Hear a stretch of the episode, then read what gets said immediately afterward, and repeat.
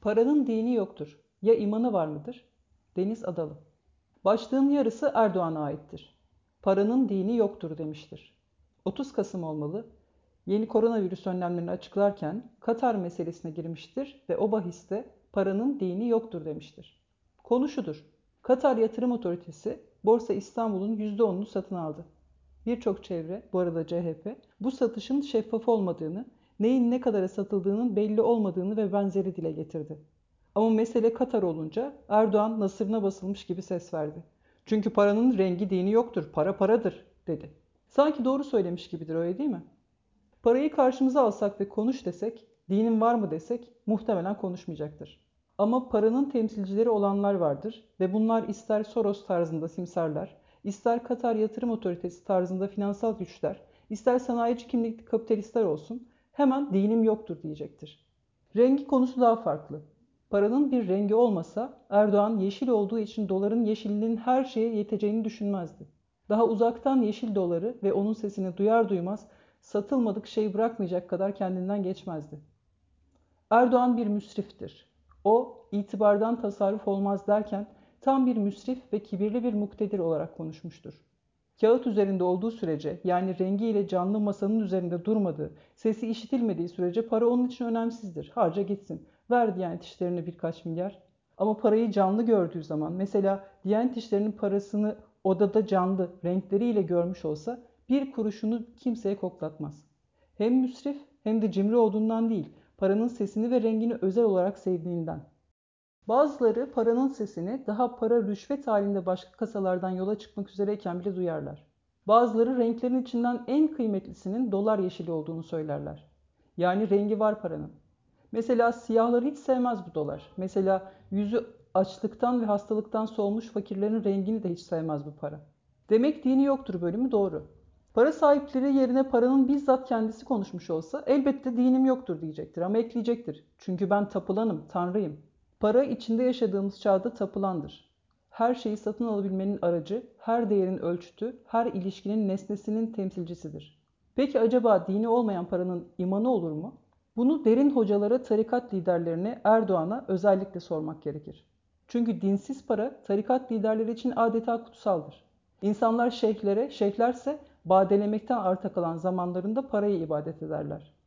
En derin hocalar paranın kokusunu önceden anlayabilenlerden çıkıyor.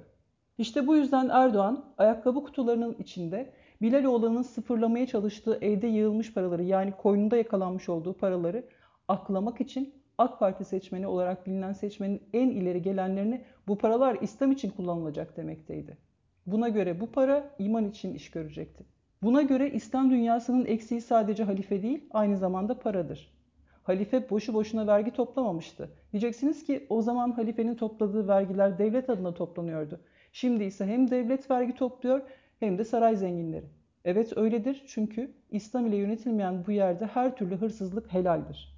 Hırsızlığın en tatlısı, en helali, ekmek kadayıfının üzerindeki kaymak gibisi devletten çalınandır. Zira devlet malı deniz yemeyen keriz diye bir gelenekselleşmiş sözümüz de var. Bu derinlikte bir edebi literatür yaratmış rüşvet ve hırsızlık sistemi elbette iman sahiplerinin elinde işe yarayacaktır. Yani Erdoğan'a göre, yani onun pratiğine göre dini olmayan paranın imanı vardır. İslam toplumları parasızlık yüzünden bu haldedir ve para eğer reisin elinde olursa bu bahtsızlık aşılacaktır. Aslında bu böyle ise bunun kutsal kitabın bir yerinde de gösteriliyor olması muhtemeldir.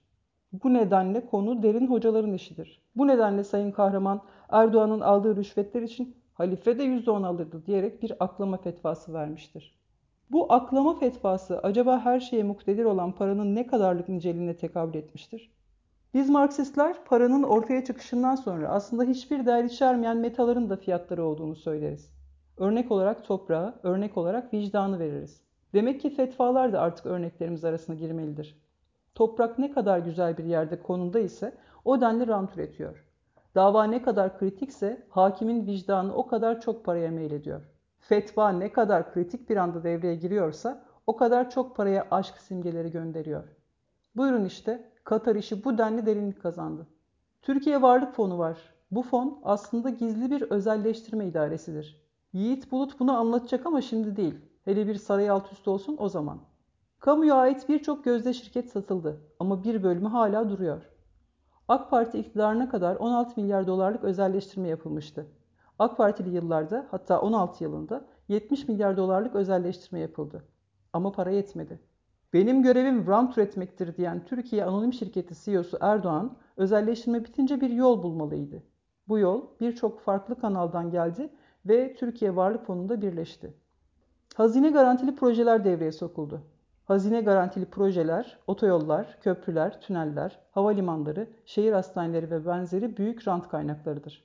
Bu rant kaynakları yeni burjuva sınıfın, yeni elitlerin yükselişinin temsilcileridir. Sağlık, yollar, inşaatlar ve benzeri bunun bir parçasıdır.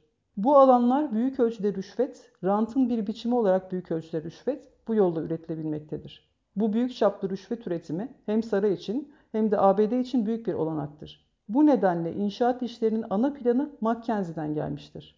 Mackenzie bu yatırımları bir çeşit ABD sermayesinin ağırlık kazanması olarak organize etmiştir. Saraya yakın bu şirketler aslında taşerondur. Havalimanı, tünel, köprüler, otoyollar, şehir hastaneleri gerçekte yabancı şirketlere aittir. Modern kapitülasyon denilebilir.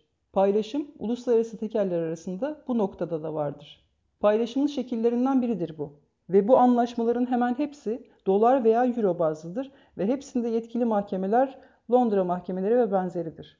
Demek oluyor ki Erdoğan'ın canla başla desteklediği bu projelerden elde ettiği kazanç imanlı işlerde kullanılsın veya kullanılmasın bu sermayenin sahipleri kendilerinin ömrünü Erdoğan'ın iktidarda kalma süresine göre ayarlamamaktadır. Erdoğan gitse de onların çarkı sürecektir. Üçüncü köprü yapıldığında hazine tarafından verilen kredi garantörlüğü yetmez. Bir de kar garantisi verilmiştir. Şu kadar araç geçecek garantisi gibi. Bu durum mesela diğer iki köprünün ücretlerinde 3 katı bir zamma neden olmuştur. Bu durum yani 3. köprünün kar etme meselesi özel yasalar devreye sokmuş ve belli araçların 3. köprüden geçişi garanti altına alınmıştır. Bu durum her türlü nakliye maliyetlerini artırmış ve sonuçta ürünlerin fiyatlarını yansımıştır. Avrasya Tüneli deniz otobüs seferlerini değiştirmiştir. Şehir hastaneleri diğer hastanelerin zorla kapatılmasını beraberinde getirmiştir. Bunun nasıl bir zorbalık olduğunu anlatmaya gerek yok. Herkes bunu her gün yaşamaktadır. Modern kapitülasyon terimini bu nedenle kullanıyoruz. İşte bu hazinenin kredilerine garantör olduğu projeler yeni kredilerin bulunmasında zora sokmuştur. Tam bu noktada Mackenzie Türkiye Varlık Fonu'nu önermiştir. Öneri ne kelime emretmiştir. Türkiye Varlık Fonu kamuya ait en gözde şirketleri bünyesinde toplamıştır. Türk Hava Yolları, Çaykur ve benzeri gibi. Bu karlı işletmeler yeni rant üretme alanı olarak iş görmek üzere Türkiye Varlık Fonu aracılığı ile devreye sokulmuştur. Türkiye Varlık Fonu'nun başına Erdoğan oturmuştur. Türkiye Varlık Fonu Cumhurbaşkanı'na bağlı, başkanı da kendisi. Bir general düşünün, ordu komutanı kendisi, alay komutanı kendisi, bölük komutanı o da kendisi. Bu akçeli işler AK Parti iktidarının ve Aksaray'ın en önemli marifet alanıdır. İşte bu Türkiye Varlık Fonu özel bir yasa ile satışları ihale usulünden çıkartılmış bir özelleştirme idaresidir. Borsa İstanbul'un %90'ı Türkiye Varlık Fonu'na devredilmiştir. Oradan da Katar Yatırım Otoritesi'ne devredilmiştir. Tüm bu süreçlerde uyumayı tercih eden muhalefet birdenbire uyanmış ve nasıl olur demeye başlamıştır. Erdoğan ha Katar, ha Avrupa Birliği, ha ABD sermayesi demek istiyor. Ne fark eder? Doğrudur. Aslında hiçbiri fark etmez. Bu özelleştirmelerin tümüne bugüne kadar sessiz kalan burjuva muhalefet ses vermekte geç kalmıştır. Yine de Katar ile ilişkiler sanki tren Katarı gibi peş peşe gitmektedir. Tank palet fabrikasının satılıp satılmadığı ve benzeri bile belli değildir. Katar'a limanlar satılmıştır. Katar'a AVM'ler satılmaktadır. Katar'a borsa satılmaktadır ve Katar'dan 400 milyon dolarlık uçak alınmıştır. Parasının ödenmediği anlaşılıyor. Malezya'da da bir AK Parti var. İktidardaydı. Başkanı, o dönemin başbakanı şimdi hapistedir. Orada da bir varlık fonu var. Bu fon bizimkilerin Katar'la ilişkileri gibi Suudi Arabistan'la ilişkiliydi. Ve başbakan şimdi yargılanırken kendisine sorulan milyonlarca dolarlık ödemeleri açıklarken onlar bana verildi demektedir. Katar'la ilişkiler bu nedenle kayıt dışıdır. Katar eski İngiliz sömürgesi bir petrol kuyusu devlettir ya da bir aile devlettir diyebilirsiniz. Aile ve petrol kuyusu tarzı devlet olma hali Erdoğan'la Katar'ın ilişkisi için fıtrata uygundur. Katar resmi olarak 1970 petrol krizi sonrasında İngiliz sömürgesi olmaktan çıkıp devlet olmuştur. 1970 krizi elbette ABD'nin dünya sistemini petrodolarlarla domine etmeye başlamasının da başlangıcı sayılır. Daha sonraları 1980'lerde gelecek finansallaşmanın temelleri buradadır. Yine de Katar, İngiliz varlığının sıfırlandığı bir alan olmadı. Ardından ABD Katar'a büyük bir üs kurdu. 2 milyonu biraz geçen nüfusun 500 bini Arap'tır. Kalanları çoğunlukla yabancılardır. Hem işçi olarak yabancılar var hem de asker olarak. ABD üssü oldukça büyük bir üstür ve ABD içinde önemli olduğu anlaşılmaktadır. Suriye Savaşı'nda ABD, İngiltere, İsrail'in adının yanında Türkiye, Suudi Arabistan ve Katar'ın adı anılmaktadır. Katar oldukça aktif bir tarzda müdahalelerde bulunmaktadır. Suudi Arabistan Müslüman kardeşleri desteklemekten vazgeçtiği halde Katar tıpkı Türkiye gibi Müslüman kardeşleri desteklemektedir. Demek ki petrol kuyusu Katar aynı zamanda bir ABD askeri üssü gibidir. Ve aynı Katar'da Türkiye'nin de askeri vardır. Türk askerinin ne kadar olduğu konusunda rivayetler var ama 2500'ün üzerinde olduğu sanılmaktadır. Şimdi Katar Şeyhi ile sarayın yerlisi arasında bir anlaşma, bir aile bağları olduğu açık ama iş bu kadar mı sorusunun zamanıdır. Ortaklaşa sömürge olarak İkinci Dünya Savaşı'ndan bu yana varlığını sürdüren Türkiye, acaba ekonomik olarak bağlı olduğu Avrupa Birliği'nin mi yoksa siyasal olarak bağlı olduğu ABD'nin mi sömürgesi olarak kalacaktır? Bu soru uzun bir paylaşım savaşı ile yanıtlanacak ve bu süre içinde sadece Orta Doğu değil, Türkiye sahası da çetin çarpışmalara sahne olacaktır.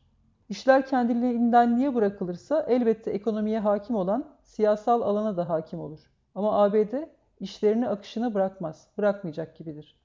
Şimdi Türkiye'ye akmakta olan Katar sermayesi acaba ABD ve İngiltere emriyle mi kaymaktadır? Hani paranın dini yok da yine de bu sermaye Katar görünümlü ABD ya da ABD İngiltere sermayesi midir?